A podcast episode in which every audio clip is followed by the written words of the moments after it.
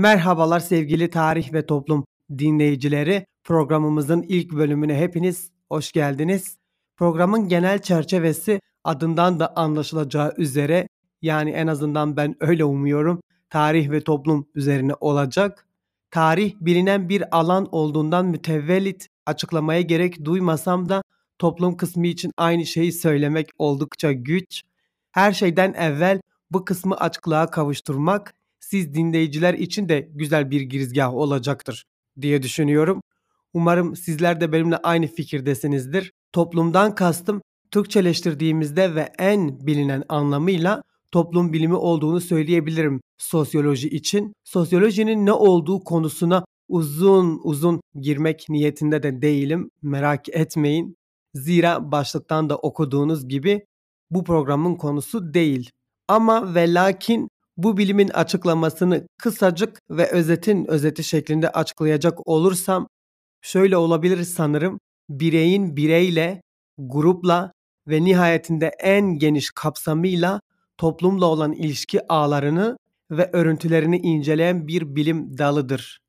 Programın adını ise bir sosyoloji mezunu ve hali hazırda bir tarih öğrencisi olmamla yakından ilgisi bulunduğunu söylemem gerçek nedenini açıklayacaktır. Öte yandan bu iki bilimin birbirinden aşırı derecede faydalanması ve biri olmadan diğerinin olamayacağını, olsa bile yarım kalacağını halk dilinde en klişe tabiriyle bir elmanın iki yarısı deyip meramımı dile getirmiş olayım. Konuya giriş yapmadan evvel birkaç kelam daha etmek istiyorum izninizle. Programa başlamak istediğimi Twitter üzerinden duyurmuş ve uygun bir mikrofon bulunca ilk işimin bu fikri hayata geçirmek olduğunu yazmıştım. Uygun mikrofonu buldum fakat her şey tamam mı? Elbette değil. Bu sefer bitmek bilmeyen grip ve nezleye yakalandım. Üstüne üstlük konuşmama engel olan zangır zangır öksürük ve bitmek bilmeyen bir yorgunluk hali vardı üzerimde. Bu durumu şu an gülerek anlattığıma kanmayın sakın. Çok kötü ve oldukça yorucu bir dönemde. Hakikaten Şükürler olsun şu an daha iyiyim. En sonunda bunun bir sonunun olmayacağını düşünüp işe koyuldum. Tabii yanımda bir kupa dolusu sıcak çayla birlikte bu ilk bölümü kazasız belasız noktalamaya niyetim var. Bakalım eğer şu anda bu sözlerimin devamını dinliyorsanız bilin ki bunu başarmışımdır. Son olarak neden böyle bir girişime ihtiyaç duydun diye sorabilirsiniz bir hile yapıp sormuş olduğunuzu varsayarak açıklamamı şu doğrultuda yapayım. Türkiye'de gerek sosyal medya gerek televizyondaki tartışma platformları ve fikir alışveriş programları olsun oturup izlediğinizde %100 verim alabildiğimiz program sayısı hakikaten bir elin parmaklarını geçecek kadar değildir. Bunu sizler de kabul edersiniz diye umuyorum. Kayıt esnasında yani program zamanında birbirinin fikrine katılmadığı için bağırıp çağıranı, ya da hakaret edeni mi dersiniz? Biri konuşurken diğerinin dinlemeden cevap yetiştirmesini mi dersiniz? Ve hazırsanız en kötüsüne geldi sıra. Aynı anda konuşup seyircinin ne konudan ne de eleştirilerden hiçbir şey anlamamasını mı dersiniz? Kısaca ne dersek diyelim tuttuğumuz yerden elimizde kalan bir tartışamama kültürümüz var. Belki de tek kişinin sunumu ve anlatımıyla gelişen programlara ihtiyacımız vardır. Belki de kültürümüz buna hitap ediyordur. Ne dersiniz? Giriş başlığı olarak neden İskenderiye Kütüphanesi'ni kim yaktığı seçtiğimi inanın ben de en az sizin kadar bilmiyorum. Ancak konuyu seçme aşamasını açıklayabilirim sizlere. Onun da hikayesini dinlemek isterseniz şöyle kitaplıklar arası gezinirken ki sık sık severek yaptığım bir aktivitedir. Çoğu kitap severin yapmaktan hoşlandığını da düşünüyorum.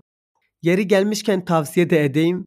Eğer kitaplığınız yoksa kütüphaneler biraz da bunun için var bence.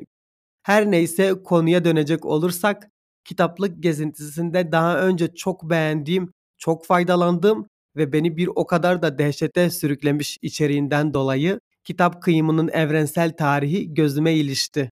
Kitabı hangi satırların altını çizdiğime bakmak için elime alıp açtım. İçindekiler kısmında başlıklardan İskenderiye Kütüphanesi bölümünü görür görmez karar verdim ilk bölümün konusuna. Pekala hazırsanız başlıyorum. Çok sevdiğim ve bir o kadar da severek okuduğum, bilmem tanır mısınız? tarihçi yazar Erdoğan Aydın'ın kullanım şekliyle konuya girmezden önce girmezden öncenin altını sesimle kalın kalın çizdiğimi varsayıyorum. Sizlere bir yöneticinin ölüm şeklinden söz edeceğim. Kısacık ama kısacık. O yüzden ben anlatırken sizlerin de dinlediği bu tarihi kişiliğin ölümünü dile getirir getirmez kim olduğunu, bu hikayedeki rolünü ve önemini açıklayacağım. Söz veriyorum. Milattan önce 285 civarında aşağı Mısır'da Faleronlu Demetrius adlı bir Yunan bir engerek yılanı ısırığıyla öldü. Yerel yöneticilerin danıştığı doktorlardan hiçbiri Demetrius'un ölüm nedeninin intihar mı, bir kaza mı yoksa bir cinayet mi olduğunu kesin olarak söyleyemedi. Yeni kral 2. Batlamyus Philadelphus'un gözünden düşmüş ve İskenderiye'den kovulmuş olduğu için üç olasılıktan ikisi doğru olabilecek olsa da ölümü örtbas edildi diyor tarihçiler, sosyologlar ve konunun meraklıları diyelim kısaca böyle bir iddiada bulunuyorlar. 60-70 yaşlarında gösteren cansız bedeni Demetrius'un olması gerekenden daha yaşlı duruyordu. Cenaze Diospolis yakınlarındaki Busirus bölgesinde sessiz sedasız toprağa verildi. Ölümü hakkında haftalarca dedikodu yapıldı. Bazı yazarlar ve felsefeciler sıra dışı bir kişilik olan Demetrius'un ölümüne çok üzüldü. Onlarca kitap yazmıştı, büyük düşünürlerin öğrencisi olarak kabul ediliyordu ve etkili bir politik liderdi. Lütfen burayı dikkatlice dinlemenizi istiyorum. Yukarıda sizlere verdiğim sözü şu cümleyle tutmuş oluyorum. Ama en önemli katkısı antik dönemin en ünlü kütüphanesi olan İskenderiye Kütüphanesi'ni kurmuş olmasıydı. Onun ölümünden sonra bu düşünsel merkezin kaderi saray entrikalarının ve savaşların insafına kaldı. Bu nedenle bu bölüme Bayez Demetrius'un kısa bir yaşam öyküsü ve kütüphanenin tarihiyle başlamak yerinde olacağını ileri sürüyor. Şahsen ben de bu bölümü ilk kez okuduğumda bana da mantıklı gelen bir çıkarımdı bu. Bizler de ana kaynağımıza sadık kalıp aynı zamanda bıraktığı yerden devam edelim. Bakalım bizleri nerelere kadar götürecek bu hikaye. Valeronlu Demetrius hakkında pek bir şey bilmiyoruz doğrusu. Milattan önce 350 veya 360'ta bir liman kenti olan Faleron'da doğmuş olduğu tahmin ediliyor. Görüldüğü üzere doğum tarihini bile sizlere onar yıl aralıklı ancak aktarabiliyoruz. Devam ediyorum. Köle bir babanın oğlu olarak dünyaya gelen Demetrius Atina'ya taşındı. Filozofların kurmuş olduğu okullarda prestijli bir eğitim görecekti. Mükemmel konuşmalar yaptığı ve Aristotelesçi felsefecilerin desteğini kazandığı için Kasandros tarafından M.Ö. 317'de kentin başına geçirildiği ve bu görevde 10 yıl kadar kaldığı bildiklerimiz arasında. Şimdi sizlere Baez'in kaleminden Demetrius hakkında yazdıklarını aktarmak istiyorum. Yönetimi sırasında bir nüfus sayımı yaptırdı. Yasalar çıkardı. Takdir edilen mali ve anayasal reformlar yaptı. Çok tanınmış biriydi ve felsefeciler, şairler, oyun yazarlarıyla arkadaştı. O kadar ünlüydü ki onuruna 300 heykel yaptırılmıştı. Milattan önce 307'de kent kuşatmacısı olarak bilinen bir başka Demetrius Atina'yı işgal edince hükümeti yıkıldı. Adına yapılan heykeller parçalandı ve pisuarlara dönüştürüldü. Adı da tüm kayıtlardan silindi. Demetrius'un Tayba'ya gitmesine izin verildi. O da burada kendini her gün Homeros'un dizelerini okumaya verdi. Bir daha Atina'ya geri dönmeyeceğini anlayınca İskenderiye'ye taşındı. Kent Nil deltasının batısındaki Mareotis Gölü kıyısında önce 331'de Büyük İskender adına kurulmuştu. İskenderiye Kütüphanesi'ne adını veren bu kentin tarihini kısacık da olsa cümlemde geçirmiş oldum. Bu kısmı da soru işaretlerden kaldırdığımıza göre devam ediyorum. Kentin tasarımını ona Makedonya'da askerlerin giydiği bir tür pelerin olan klamis biçimi vermeye karar veren mimar Rodoslu Dionokrates yapmıştı. İskenderiye adlarını Yunan alfabesinin ilk 5 harfinden alan 5 bölgeye ayrılmıştı. Bazıları bu 5 harfte Yunanca Tanrı'dan doğan Kral İskender kurdu ifadesinin baş harflerini görmüşlerdi. Demetrius kendini Brukheon'daki kraliyet sarayına takdim etti. Milattan önce 306 yılıydı ve 1. Batlamyus Soter Mısır tahtına geçeli çok olmamıştı. Milattan önce 367'de doğan 1. Batlamyus Lagos ile Arsinoya'nın oğluydu. İskender'in bir generali olarak Hindistan seferine katılmış, sadakatiyle İskender'in takdirini kazanmıştı. Sotur yani kurtarıcı adını önce 304'teki savaşlar sırasında yardım ettiği Rodos'ta aldı. Öldüğünde 87 yaşındaydı.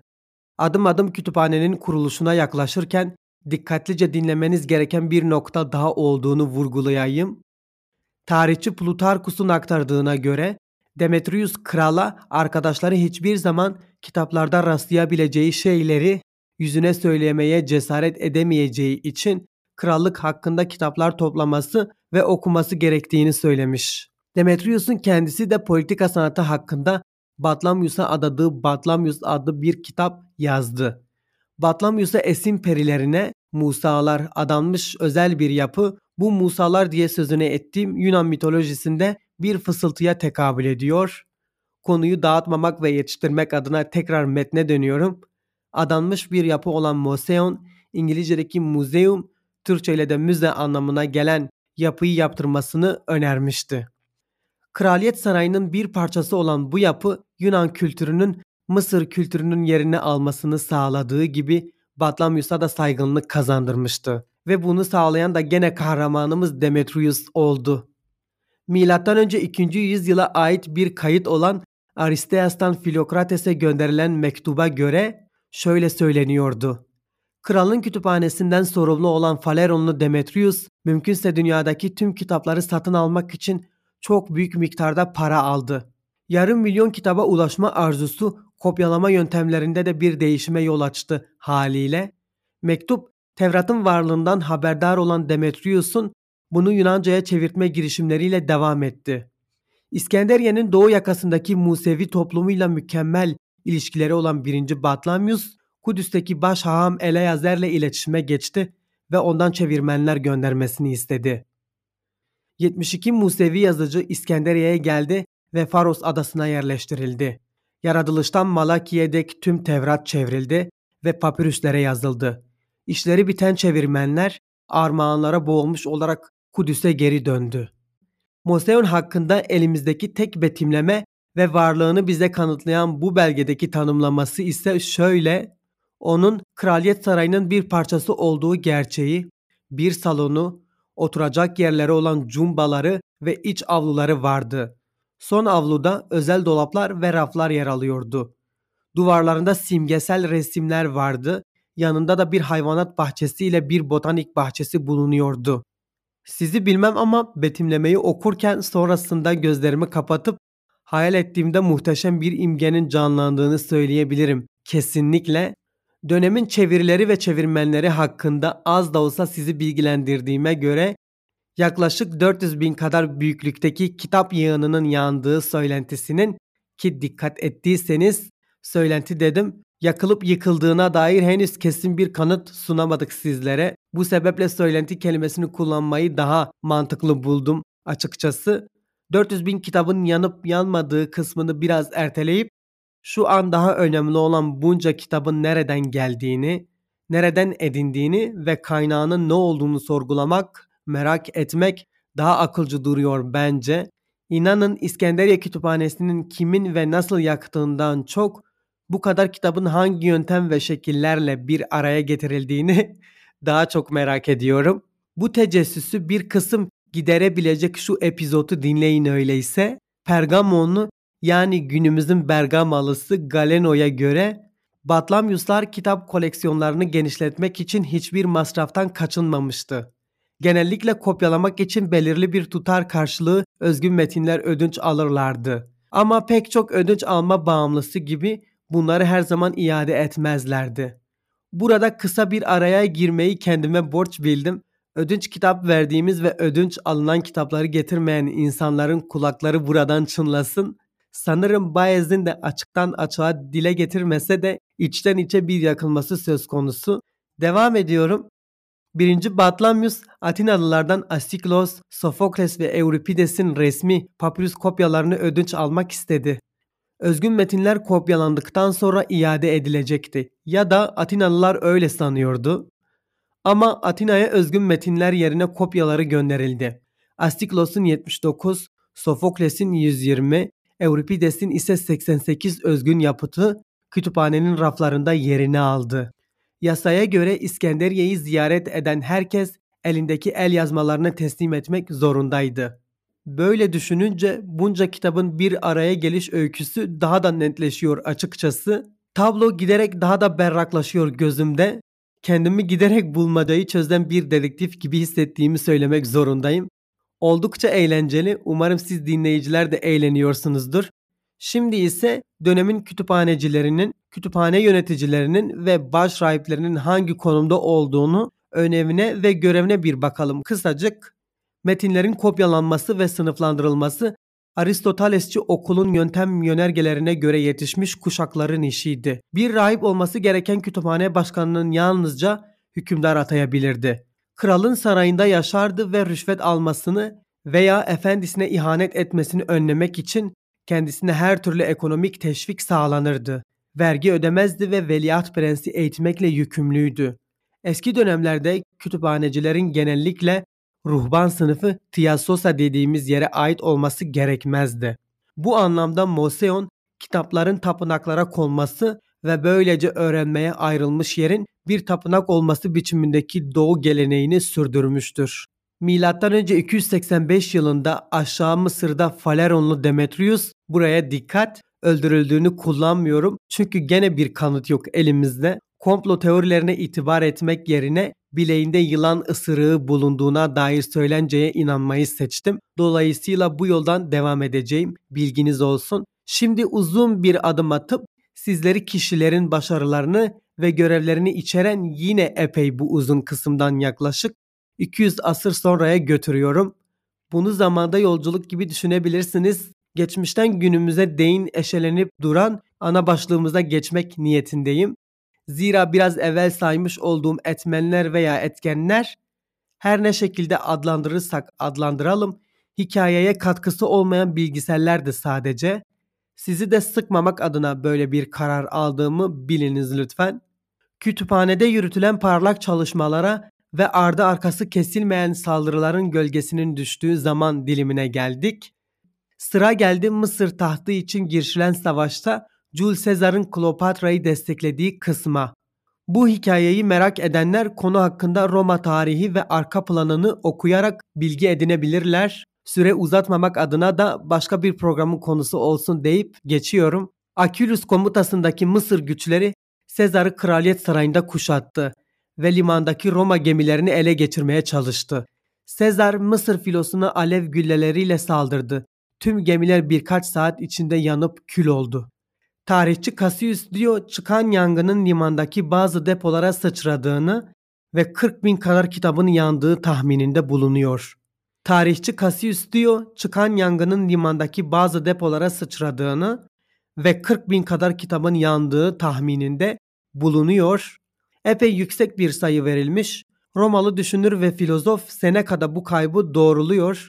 Nitekim genç antik çağ tarihçisi ve ilahiyatçısı Palus Oriosis ise 400 yıl sonra şunları söyleyecekti.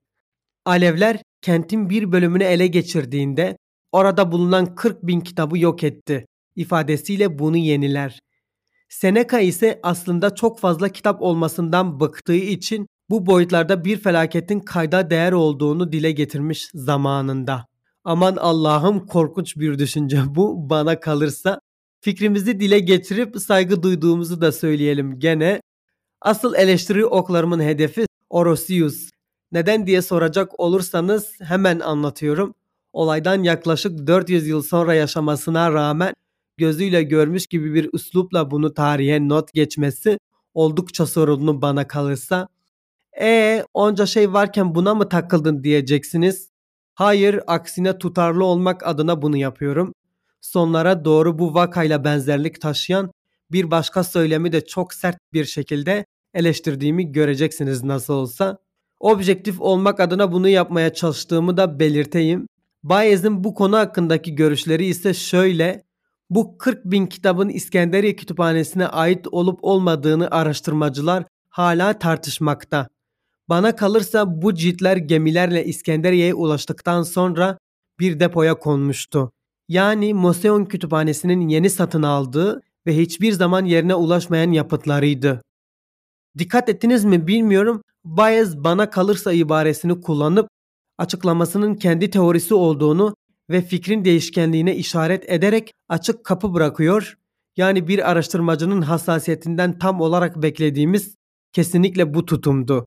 Kütüphanenin kimin yaktığına dair önerme, iddia, tez, komplo teorileri veya her ne şekilde adlandırıyorsanız tezlere girmiş bulunmaktayız. Hristiyanlar eliyle gerçekleştirilen tahribat son zamanlarda çok tartışılan bir konu.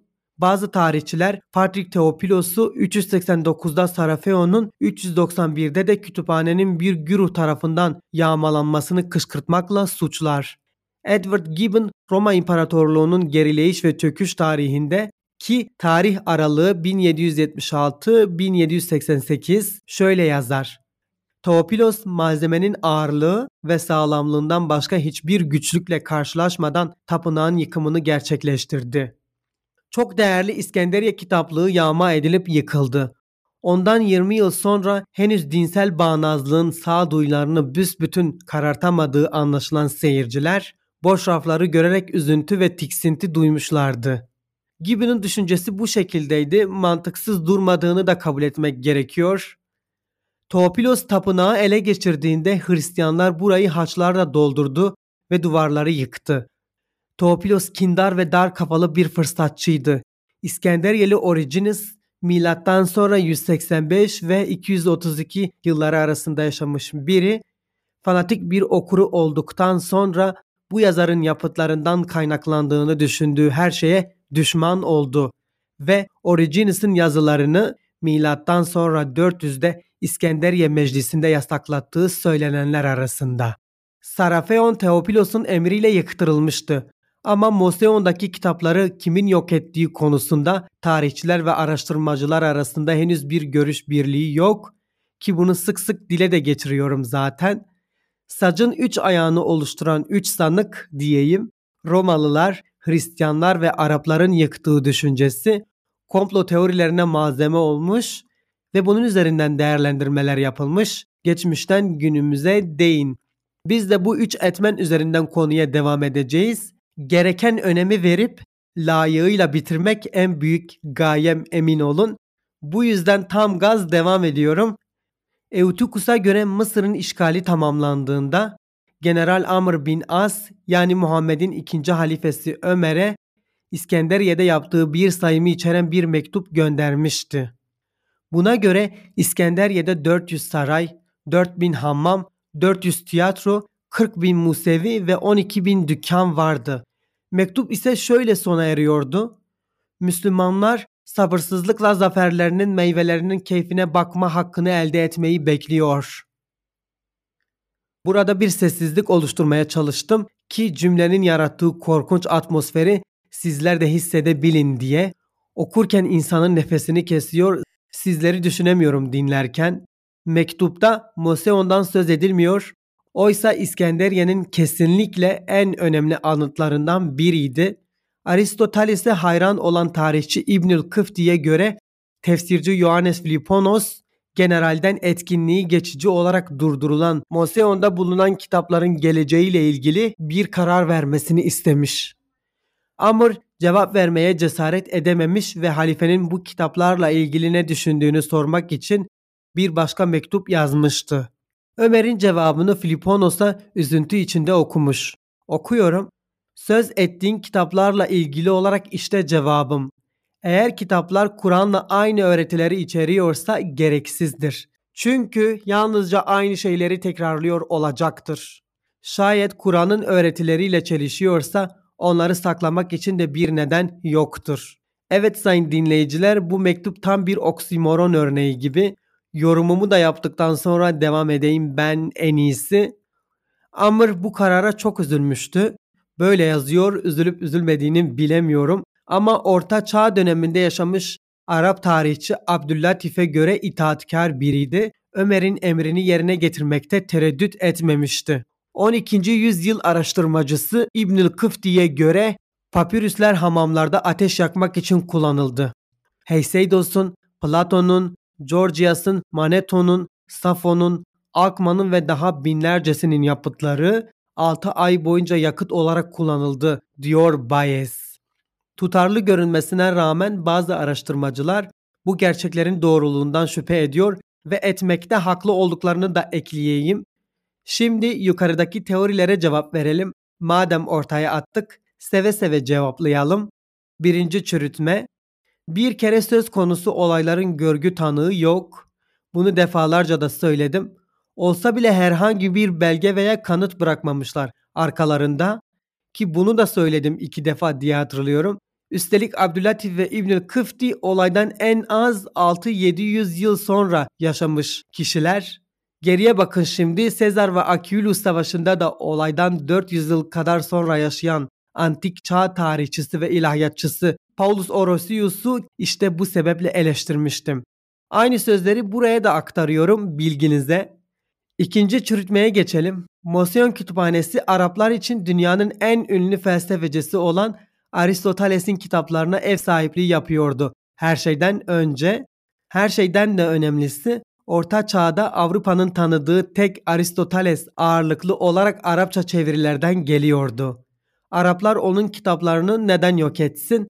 Ha çok zorlayıp Büyük İskender'in akıl hocalığını yapan, Aristoteles'in kendisine fetihçi ve fatih olma yöntemlerini öğretmiş olduğunu, bunu ileri sürelim ama bu da çok zorlama kalıyor.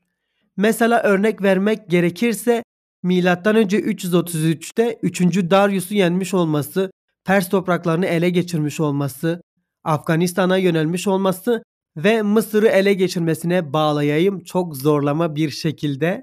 Arapların Mısır'ı 6. yüzyılda işgal etmesinden önce Hristiyanların Moseon'daki kitapları din dışı bularak yok etmiş olmaları oldukça güçlü bir olasılık. Krilos'un keşişleri Kütüphaneci Theo'nun kızı Aypetya'yı gözlerini kırpmadan öldürüp hiç kuşkusuz kütüphaneyi yıkmakta da güçlükle karşılaşmamışlardır. Muhtemelen bu Ömer'e gönderilen mektupta ondan neden söz edilmediğini bir nebze açıklayabilir sanırım. Hazır konu iPadia'dan açılmışken 2009 yapımı ve yönetmenliğini Alejandro Aminibar'ın yaptığı, başrollerde Rachel Weisz ve Oscar Isaac'in oynadığı bu dönemi anlatan mükemmel bir filmdi Agora. Şimdi bahsi geçince tekrar izlemek istedim ve muhtemelen bir çılgınlık yapıp tekrar seyrederim. Ve sıra dördüncü çürütmeye geldi. Johannes Filiponos Ömer'in temsilcileriyle konuşmuş olamaz. Çünkü 7. değil 6. yüzyılda yaşamıştır. Bu noktadan sonra işler daha da karmaşık bir hal alıyor. Korkmayın ama anlayabileceğiniz şekilde sadeleştirerek anlatıyorum sizlere. Bu noktada işlerin daha da karmaşık bir hal alma sebebi çünkü kimse bu bilgilerin neden Yunan, Hristiyan ve Roma değil de tamamen Arap kaynaklı olduğunu açıklayamıyor bizlere. Öyle ya da böyle Arapların İskenderiye kütüphanesini yıktıkları düşüncesi batıya ulaştı ve 17. yüzyıl boyunca giderek güçlendi bu tez. Edward Gibbon bu iki Arap tarihçinin yazdıklarına gerek olaydan uzun süre sonra yaşamış olmaları gerek Müslüman dünyasında kitapların yok edilmekten çok korunması eğilimi olması nedeniyle kuşkuyla yaklaştığını belirtiyor. Tartışma 18. yüzyıldan beri sürüyor. Bu süreçte değişen şeyler de oldu elbette. Kütüphaneyi Arapların yıktığı tezde destek kaybederken ortaya yeni tezler çıktı. Sonlara doğru yaklaştığımı da belirteyim. Bu tezleri sizlere aktardıktan sonra bir alıntı yapıp konuyu kapatıp ve kararı sizlere bırakacağım tamamen. Sizlere aktaracağım 3 tez şöyle. Birinci tez Cassius Dio'ya göre Moseon'u 215'te İskenderiye'de çıkan bir ayaklanma sırasında Karakala'nın Romalı askerleri talan etti. Palmira kraliçesi Zenobia İskenderiye'ye saldırdığında kütüphaneciler öldürüldü. İkinci teze geldim. Sorumlusu bir depremdi. Açıkçası tüm tezler içerisinde bana en mantıklı geleniydi. İnsanın doğa karşısındaki acziyetini de düşününce daha da güçleniyor gerçekten. 320 ve 1303 yılları arasında İskenderiye'de en az 23 deprem meydana gelmiş. 365 yılının yazında çok büyük bir deprem çok sayıda binayı yerle bir etmiş. Başında Frank Godion'un da olduğu Avrupa Sualtı Arkeolojisi Enstitüsü ekibi liman açıklarında yüzlerce parça eşya ve sütun parçası buldu. Bu da İskenderiye'nin o bölümünün sulara gömüldüğünü kanıtlıyor bizlere. Evet program boyunca ilk defa bir kanıttan söz ettim sizlere. Bu da teorinin güçlülüğüne de vurgu yapıyor aynı zamanda. Üçüncü teze geldik. Yıkımın bir ihmal sonucu olduğu düşüncesi. Benim tezler arasındaki ikinci favorim bu oldu. Çeşitli politik ve askeri çatışmalar kütüphanenin mali desteklerinin kesilmesine neden olmuş olabilir. Kütüphaneciler daha sakin kentlere, örneğin Roma'ya göçtü veya kopyalama işi zamanla yok oldu. Sizlere iddiaları, hipotezleri ve varsayımları hatta belki de içinde gerçek olan bir fikri bile dile getirmiş olabilirim. Bunu zaman gösterecek elbette. Yüzyıllar boyunca tartışılan ve muhtemelen bir o kadar daha sürecek olan İskenderiye Kütüphanesi'nin yakılması, yok ediliş tarihi gündemi epey meşgul edecek gibi duruyor. Özellikle 18. yüzyıldan beri devam eden bir tartışma olduğunu düşünürsek yayını bir alıntıyla bitiriyorum. Dinlediğiniz için çok teşekkür ederim. Umuyorum ki güzel vakit geçirmişsinizdir. Ben seslendirirken, anlatırken epey keyif aldım şahsen. Bir başka tarih ve toplum programında görüşünceye dek kendinize iyi bakın, esen kalın. Aristeas'ın mektubuna göre İskenderiye Kütüphanesi'nde 20 bin papyrus rulo vardı. Kral da bu sayıyı 500 bine çıkarmayı planlıyordu. Gerek Aulus Gelus gerek Ammianus Marcellinus 700 bin rulodan söz eder bizlere. Georgios Sainkelos ise 100 bin kitap sayısını verir. Bizanslı metin yorumcusu Ioannes Tizets, Sarafeon'da 42.800, Moseon'da da 90 bini düzeltilmemiş 490 bin el yazmasından söz eder.